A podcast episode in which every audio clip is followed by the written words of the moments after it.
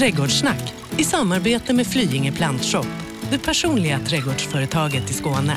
Ja, vi är tillbaka i trädgården och eh, vi har varit bland Annikas absolut bästa kompisar och en av Annikas bästa kompisar och Trädgårdssnacks bästa kompis det är Magnus som är tillbaka. Välkommen! Tack så mycket. Trädgårdsveckan så här långt, hur har den varit för din All- del Magnus? Alldeles utmärkt. Det är alltid bra trädgårdsveckor för mig. Att, eh, man är aldrig, stannar aldrig upp utan det sker planteringar och det sker upplevelser och man tittar på höstfärgerna och allting. Så man, man följer, eh, det följer en naturligt kan man säga. Och en som följer in i det här programmet naturligt alltid är Annika Sjölin från Flyinge Plantshop. Vad, eh, har din trädgårdsvecka varit?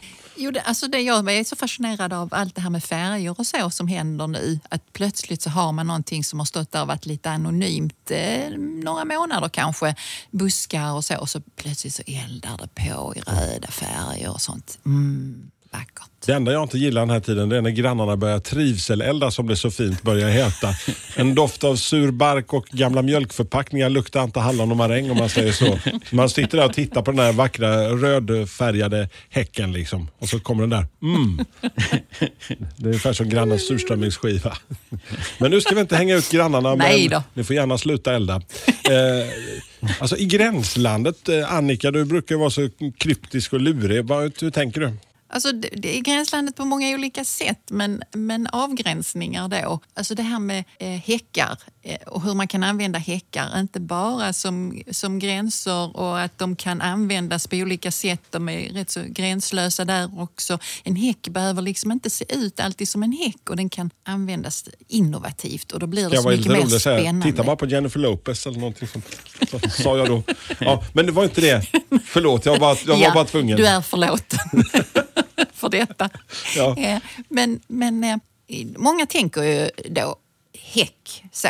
Och så ska den se ut som alla andras häck i kvarteret. Man vill gärna, om många har planterat liguster så vill man gärna ha liguster för att det ska bli någon slags helhet i kvarteret. Men alltså det lyckas man ju sällan med för där finns nästan alltid någon som inte tilltalas av liguster så äter de någonting annat. Så, alltså den tanken tycker jag man kan ge upp från ruta ett nästan. Om det inte är så att byggherren som nu har gjort ett helt med, jättestort kvarter har bestämt att man ska ha det på ett speciellt sätt. Det är ungefär så när, när någon börjar bestämma sig för att de ska måla någon annan färg på Ja. de där radhusområdena. Lite busigt. Nej, Lite men hej, alltså, hej gula grönt sådär. Ja, och varför inte? Skulle jag vilja säga. Ja, så man får använda häckar då. Då tänker jag så här att man kan använda det för att få till rumslighet i trädgården. Så kan man använda häckväxter på olika Och sätt. det är ju inte häck i traditionell mening utan Nej, men det- avgränsningar som rör sig in Små i trädgården. partier liksom ja, så. alltså den, den traditionella häcken mellan fastigheter och mot Mm. en väg kanske man vill få ner eh, rushastigheten av barn eller bollar Mm. ut på någonting. Eller det här när man vill skapa ett eh, tillfälligt vindskydd eller en speciell upplevelse. Det, är- det är ju flera Mm. Ja. moment. Insynsskydd är det jättemånga som pratar om att man vill ha. Och jag tänker ofta när jag kommer hem i, i kunders trädgårdar, utsiktsskydd. För det är ju mycket byggs idag med små trädgårdar och stora soptunnor. Det hör liksom ihop. Ja. Och då tänker jag ofta utsiktsskydd. Jag vill inte se vare sig min egen eller grannens soptunnor och jag vill inte se grannens storbilds-tv blixtra i ögonvrån och så. Så att utsiktsskydd kan man ju också använda det här avgränsande som man nu har i häckform eller, eller i sin rumslighet eller så. Och man kan bara rama in saker eller bara ha den här häcken för att den är snygg i formen. En häck behöver ju inte vara Fylla ett syfte. Så. Ja, alltså min häck som jag har planterat nu, en idgranshäck, den löper liksom med konturerna i landskapet. Så den är böjd, eller vad som, våg, en vågrörelse. Man följer topografin helt enkelt på ett precis. annat sätt. Så. Oh, vad bra du sa precis så, för det satt jag och letade efter och kom inte alls på det. Tack. Men det, man kan göra väldigt mycket roligt, för bara det är ju roligare än att ha den liksom, fyrkantigt rakt med raka hörn och så. Jag, kan, jag känner att det var något av det mest- stressade när jag blev eh, villaägare för ett gäng år sedan. Att just Ja. när man, man då ser de här som är extremt välskötta, Mm. väl ansade, fyrkantigt, väl beskurna Mm. eh, häck så kan jag känna att det, det, det, det blev, då blev trädgårdsarbete för mig blev lite så press och stress. Men det kan man, alltså man kan ju undvika det genom sitt växtval kan man säga. Mm. För att om du nu inte vill ha press och stress på det sättet så hade jag ju satt en friväxande häck. Eh, det ska vi komma in på lite mer tänkte jag. Men innan du väljer din häck så är det smart att tänka på flera saker. Jorden till exempel, det tjatar jag om jämt. Men att anpassa ditt häckval utifrån de förutsättningarna som finns vad det gäller jord, vind, är ju sånt som kan påverka de växterna negativt eh, eventuellt som du väljer då. Så det kan ju vara smart. Plånbok kanske? Ja, absolut. Och plånboken har ju Alltså, då kan man ju köpa unga plantor och så blir det billigare. Eller så kan man mixa så där det är mest angeläget, utsiktsskyddet då mot soptunnorna, kanske man kan larma på med lite mer pengar bara för att slippa se soptunnorna. Och så sätter man samma sak, eventuellt då eh, i mindre plantor som, eller yngre plantor som så småningom hinner ifatt de som nu döljer soptunnan och så. Om, om, om, man, om man har vunnit högsta vinsten på eh, skrapat fram en trisslotter med flera miljoner. Oh. Vad är den dyraste häck jag kan köpa om jag nu säger så att okej, okay, rysk kaviar på fredag och sen på lördag så åker vi och handlar en jäkligt dyr häck. Vad är den dyraste häcken eh. man kan köpa? Alltså alla långsamväxande växter är ju dyrare till sin slutstorlek när de ja. närmar sig det. Så man betalar ju alltid för odlingstid. Ja. Så att eh, lite som Annika säger här med idegranar, riktigt mm. stora mm. idegranar i 2-2,5 meters klassen av speciella kloner kan kosta en mindre förmögenhet. Men det finns vägar runt det där. Alltså det, det, den, det viktigaste är väl upplevelsen ja. av min häck, alltså hur jag ser på det. Om man blir stressad av grannarna, det ser alltid ut att ha bättre. Men om, om Annika och jag tittar på det kanske vi får eh, inte dela den upplevelsen utan jag tror att man, de här plagiaten, mm. att man inte tar och bestämmer själv att ja, men så här vill jag ha mm. det. Mm.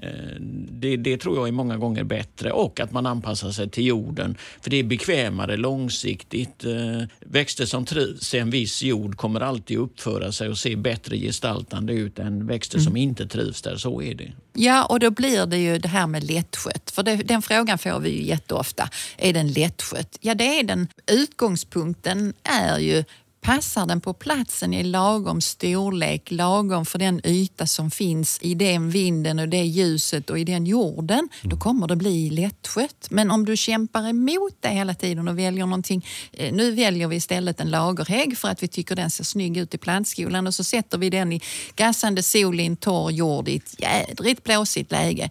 Den blir förmodligen då, då, inte så snygg. Då har du börjat uppförsbacke redan där? Ja, så att det, vi vänder på det istället tycker jag. Ja, jag tror man ska mm. vara ute och röra sig i sitt område där man bor. Titta lite på mm. olika upplevelser av avgränsningar, både inre mm. och yttre då i trädgårdarna och se. Och kanske man kan få lov att klippa med sig en kvist och fråga på plantskolan mm. eller ägaren, vad är detta du har här? Detta ser trevligt ut för mm. mig. Det kanske ger en blomupplevelse på våren, en mm. fruktsättning på hösten, en, en snygg höstfärgning. Och där är ju många häckar som inte har den arbetsuppgiften utan de är av avgränsande helt enkelt. Och, och då har man tappat, tycker jag, en dimension i vad växtlighet kan bjuda på.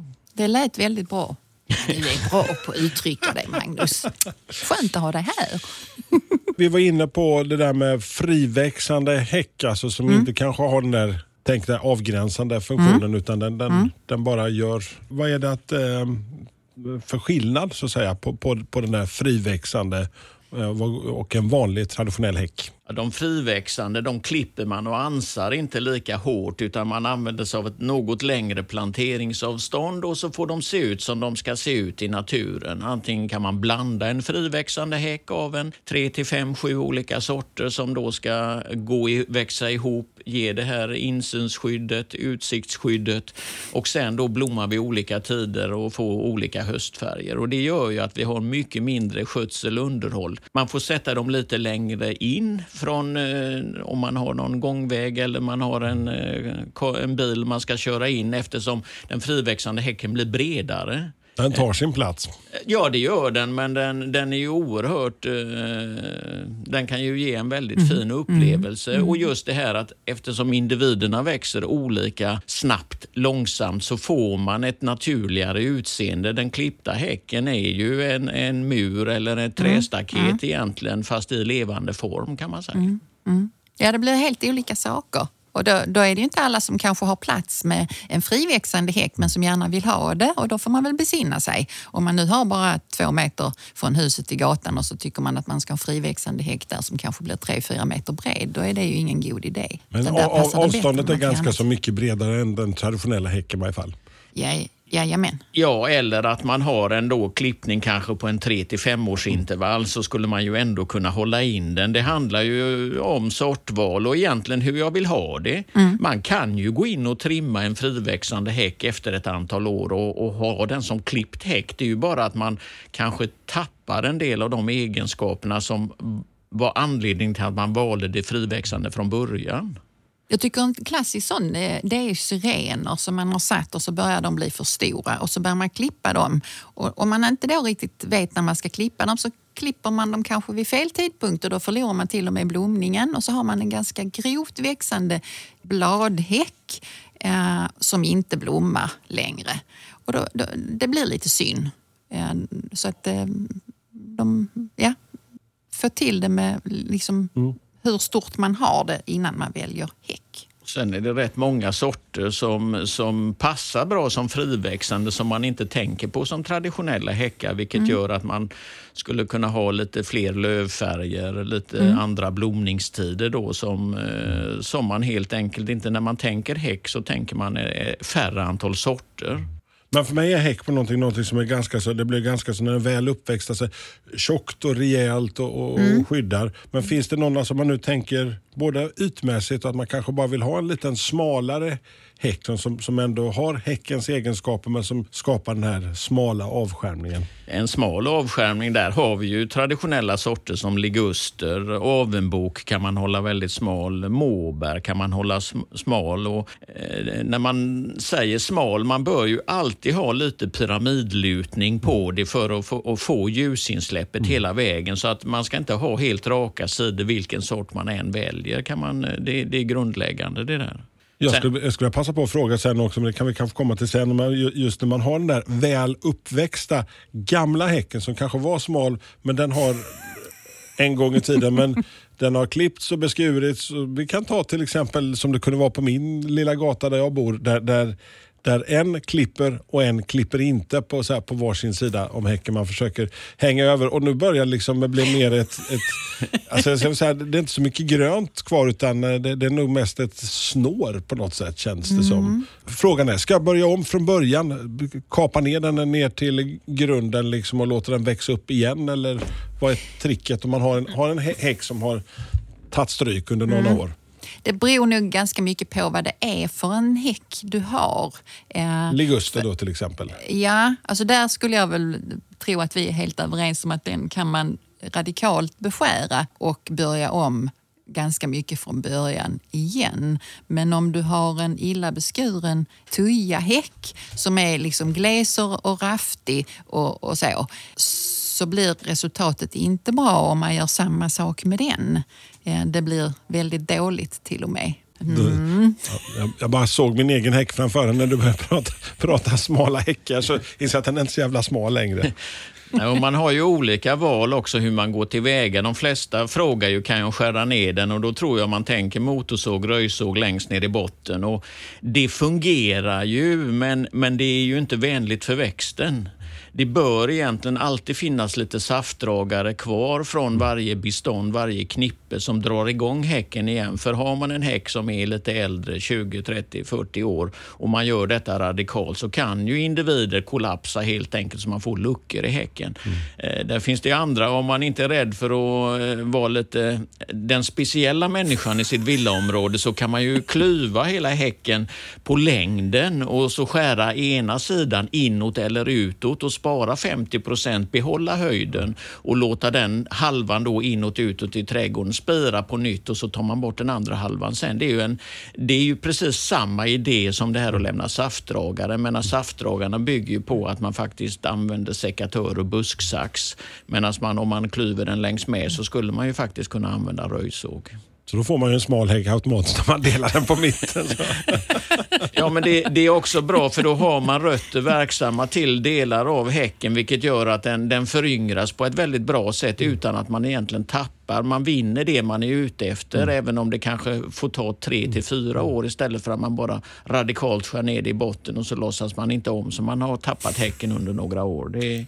Är det läge att kunna göra det här nu innan frosten har kommit eh, och göra den där radikala beskärningen? Om nu behöver göra en sån? Generellt sett är det ju så att lövmassans uppgift i alla växter det är ju att ladda ner näring till rötterna och den näringen de laddar ner använder ju eh, plantan för att övervintra då både egentligen grenar och rötter. Mm. Så att det här att skära det när det är för grönt, då tar man bort hela tiden och tullar egentligen på energireserverna. Så att om man mer ser dem som en levande enhet och låter dem ladda ner det här, löva av. Sen om man skär på vår, höst, det handlar ju om när man har lägst timpeng snarare än eh, när eh, kanske där är ju alltid att man har mer tid egentligen på hösten än på våren, för våren blir lite stressig. Mm. Men då tänker du dig när den är avlövad? Ja, jag tänker ja, mig när den är avlövad. Vi mm. pratar mm. inte liguster, vi pratar kanske inte tujan heller. Eh, så. Vintergrönt grönt och lövfällande är trevliga egenskaper när det gäller att hålla häcken eh. Alltså tänker du på smala häckar nu? Ja, just det. Jag tänker på smala mm. häckar. Mm. Som är vintergröna? Ja. Mm. Jag tror du nämnde någon tuja, gjorde du det? Ja, tuja ja. och taxus. Bägge, ja, ja. Både idegran och mm. tuja är ju vintergröna häckar. De har väldigt, eh, tujan är ju den snabbväxande och eh, idegranen är den långsamväxande. Men bägge Eh, går att hålla väldigt smala och sen för att förvirra kunden ytterligare så finns det ju fler än en tuja och välja till sin häck. Och, och de då, lite beroende på pengen man betalar för dem, så ger de lite olika barrupplevelser, olika kostnader eftersom man betalar för odlingstiden. Så bara man traditionellt tittar på Tuja Brabant, Tuja Smaragd då, så har man oftast den dubbla åldern i en smaragdplanta jämfört med Brabantplantan och den tar vi betalt för. Eh, vi tjänar inte mer på smaragden men eh, de ger olika upplevelser. Men visst är det så också att Brabanten är bättre i vindigare lägen? Självklart, den mm. har ett, eh, ett konstruerat barr som ja. tål högre vindhastighet mm. då, eh, än vad smaragden gör. Så mm. att man väljer alltid efter läget och jorden. Mm. Så enkelt är det. det är ju, man får gulla lite mer med mm. sin smaragdhäck. Alltså mm. i i stadsmiljö, i villabebyggelse är smaragdhäcken alldeles utmärkt. Är jag på landet där man ligger vikt mest hela tiden för att man blåser omkull, eh, där ska man tänka eh, noga på vilken häck man ska ta för de ska tåla det. Välkommen till Flyinge plantshop, ett riktigt gardencenter där kunskap, kvalitet och service är en självklarhet. Bara tio minuter från Lund finner ni allt från perenner och buskar till stora träd, jord, gödning och tillbehör. Välkomna till Flyinge plantshop. Drömmen för alla trädgårdsälskare. Då kanske inte man jobbar lika mycket på höjden som jag tänkte vi ska mm. också prata om. Mm. Höga häckar mm. eh, som verkligen... Nu ska vi dölja. Den, kanske den lilla knarkodlingen, eller jag vet inte. Så. Nej, men äh, skämt åsido. Yeah. Äh, men en riktigt hög häck som, som kanske just syftar till att just liksom skapa ett massivt insynsskydd. Det som istället för att sätta ett stort plank kanske. Ja. Ja, och då, jag var hos någon som hade en ganska liten trädgård och som hade tänkt att sätta pelarpoppel. Det avråder jag bestämt ifrån, eh, att man skulle göra i ett litet villaområde. Det, ble, alltså det kan ju bli jättehögt då och det är ju mer som läplanteringar ute på landsbygden ungefär när man mm. behöver skapa några ridåer eller så. Men i, normala villaträdgårdar så har vi då till exempel ett eh, hyfsat vindskyddat läge och en bra jord. Mm. Så, som städsegrön vintergrön växt så skulle man kunna använda eh, lagerhägg där. Och det finns det en sort som växer mer upprätt för lagerhäggar. Precis som tujor finns det många olika sorter. Och då är det en som heter Genolia eh, som växer väldigt upprätt och mm. gans, ganska smalt i sig självt. Ja, så den skulle jag kunna tänka mig. Då kan vi komma upp kanske in två, tre meter inom rimlig tid. Ja, och då måste jag säga om lagerhäggar så tycker jag att de passar inte som klippt häck utan de ska gärna vara friväxande. För jag tycker när man går in och klipper den med häcksax så har ju lagerhäggen ganska breda, eh, lite läderartade blad. Det blir inte snyggt när man klipper. Så den får ni gärna beskära med sekatör rör. Om man nu eh, behöver korta in den och så. Det blir mycket snyggare. Vi brukar oftast blunda när vi åker förbi lagerhäggshäckar kan man säga här, som Annika uttrycker lite försiktigt. För att, att folk skulle avhålla sig från att slakta dem till fyrkantiga lådor, Ja. det, det är ju en illusion. Ginolian hoppas har fortfarande. ju de positiva, alltså uppåtsträvande växter är ju lättare för där Mm. är det ju egentligen en toppansning man gör för att hålla skyddet då. Så att eh, det handlar eh, lite grann om att komma ut och titta på hur de olika individerna ser ut. Är det Mm. någonting som verkar passa för mig och, så. Eh, Mm. Kan man ha en lite latare trädgård men ändå en fin totalupplevelse, det är ju det bästa. Vi säger lättskött, den är inte lat. Nej. Det är lättskött. För det är ju återigen alltså att man väljer den växt man behöver. Eh, och då kommer man att tycka om den istället för att välja den man tycker om. Och sen så uppför den sig inte och så börjar man tycka illa om den. Det tycker jag är, en, en, det är synd. Det är Eh, synd om individen. Ja, det är det. eh, upp i höga höjder kan man ju även komma med sådana eh, häckar som man ibland säger att man ska odla med genomgående stam. Alltså som bok och avenbok och oxel och så. Eh, de blir ju stadiga kan, i och med att de har den här mittpelaren då i form av en stam. Nu behöver de inte ha det, det blir häck av det ändå. Om man råkar toppa den här stammen så fortsätter de att växa. Ibland kan det till och med vara smart att göra det.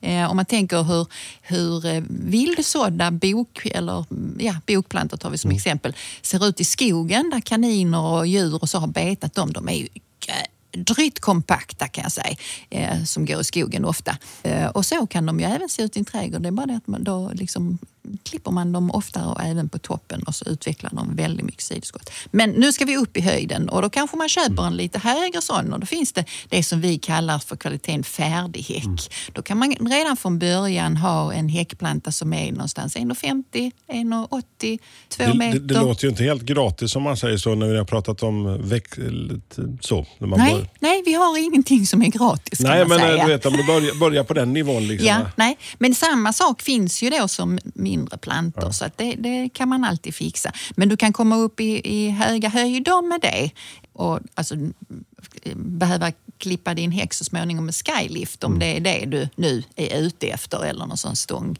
Eh, vad heter det? Stångsåg, kan det kan heta så? Ja. Ja, till exempel.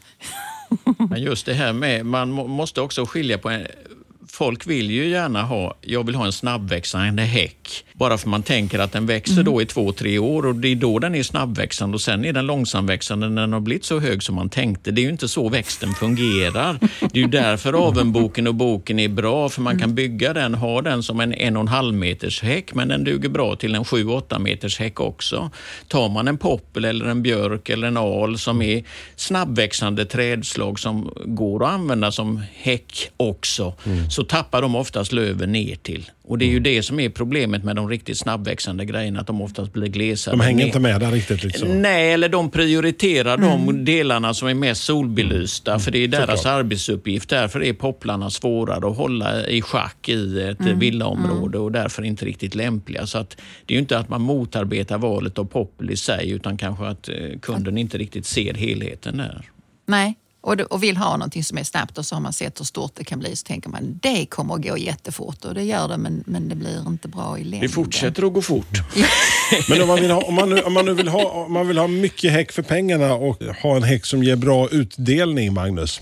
Ja, där är ju väldigt många... Eh, det, det är ju det här med var jag bor egentligen. I Skåne har vi ju de lerigaste ställena, men vi har också många väldigt sandiga ställen. Och Det handlar egentligen om eh, det här att se hur det ser ut och vad jag vill ha. Spireerna har ju tappat väldigt, väldigt mycket. En väldigt torktålig, bra, vindbar häck som finns både högre och lägre och med olika blomningstider. Bukettapen, en jättetrevlig häck som egentligen aldrig används, använd fastän den används rätt så flitigt men man vet inte att det är den det är helt enkelt. Och Det är gör- nog min favorit bland friväxande häckar, bukettapeln. Jag tycker det är förtjusande. Oxel tycker jag är en sån där underbar sak. Alltså nu i, i och med att man eh, ibland framskymtade att man är från västkusten och där är det ju mycket oxel. Alltså, Men den här salttåligheten den har, det hade kunnat följa runt hela kustbandet eftersom lövet då tål en, en eh, väldigt saltmättad eh, vind och eh, ger, jag tycker den ger en snygg avgränsning. Den ska inte stå i den tunga leran för då blir inte oxen riktigt snygg. Men en, en snyggt mm. skött oxelhäck är faktiskt väldigt trevlig. Ja. Vi pratade här i början av eh, programmet, veckans avsnitt, om, om det där med att använda häck på andra sätt än det traditionella. Vad, mm. Annika, vad har du några mer tankar och funderingar kring, kring ja. hur man skulle kunna nu har vi en klippt häck säger vi. Mm. Mm. Och så tycker vi att den är lite tråkig för den är fyrkantig, för tomten är fyrkantig eller rektangulär. Uh, och sen så om man nu sätter några fler plantor så att man får en cirkel i ett hörn istället och sen så får man en berså. Då behöver man kanske tio plantor till och så formar man in det i trädgården och så har man sin rundade berså så kan man klippa den precis som man klipper resten av häcken och så. Och så har man gjort någonting annorlunda och den eh, olika häckar som är klippta då behöver ju inte heller ha samma höjd hela vägen. Mm. Alltså jag hade tyckt det var mycket roligare att, att titta ut över någonting som var klippt som en borg, alltså med tinnar och torn eller mm. någonting sånt. Om jag var barn i ett område där alla hus ser likadana ut och där alla häckar ser likadana ut, då hade jag ju hittat hem när jag bodde i Bjärred mm. som liten istället för att bli helt vilse för allting såg likadant ut.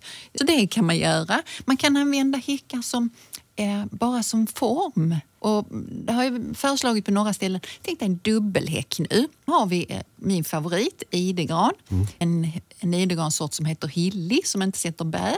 Och så framför den, eller bakom om man nu ser det, så har vi en, eh, en blodbok i en hö, alltså, som blir mm. högre mm. än den eller lägre än den. Då får vi en kontrastverkan där som är jättesnygg hela tiden som de röda bladen finns. Man kan ha dem som grönblad också tillsammans med de mörkare gröna barren.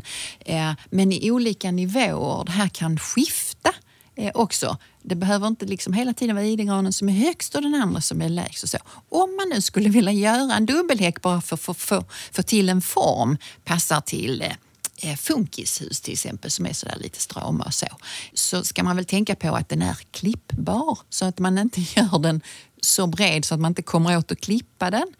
Eller så lägger man en liten gång mellan de här så man kan gå där och klippa. Mm. Har man nu gången så kan man lägga en belysningseffekt som man då inte ser. Då lägger vi belysning bakom det röda eller framför de röda bladen och belyser det som är bakom eller så.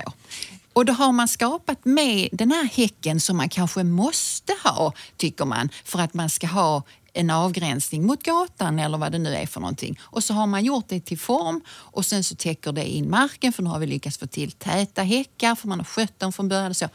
Det blir otroligt lättskött. Alltså de kräver kanske klippning en à två gånger på säsongen, väldigt lite ogräsrensning och ser snygga ut nästan hela tiden.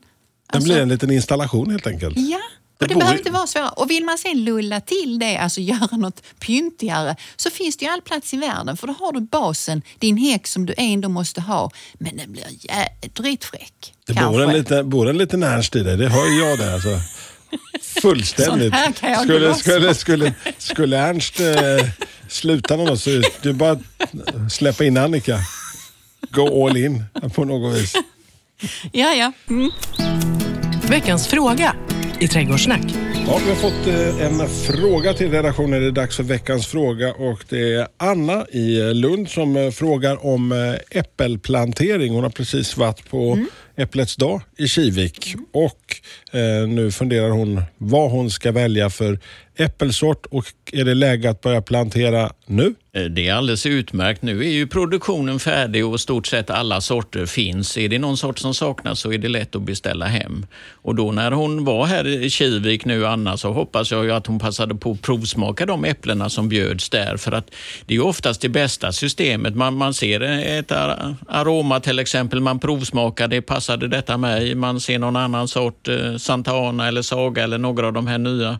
Eh, Rubinola. Eh, Rubinolan är fantastisk ja. alltså. Vilken har man provsmakat den och så får en positiv upplevelse så, så tycker jag man kan beväpna sig med ett sånt träd för då vet man ju att så här kommer det bli. Man kan höra med grannar, vänner och bekanta. Har ni någon frukt och vad heter den? Och, och så kan man handla den sorten som man faktiskt eh, mest tycker om att äta och konsumera vid den tiden som är lämplig jag tycker att man, man känner alltid att man faller på skam när man kommer till de där stora äppelodlingarna oavsett om det är på Kivik eller någon annanstans i Skåne. Att de är ju så väl, de är, dels är de väldigt små kompakta träd, mycket frukt. Och det, det är ju sällan du ser de här gigantiska jätte jätteäppelträden eller päronträden. Det säger väl någonting om hur man gör som yrkesodlare för att få mycket frukt.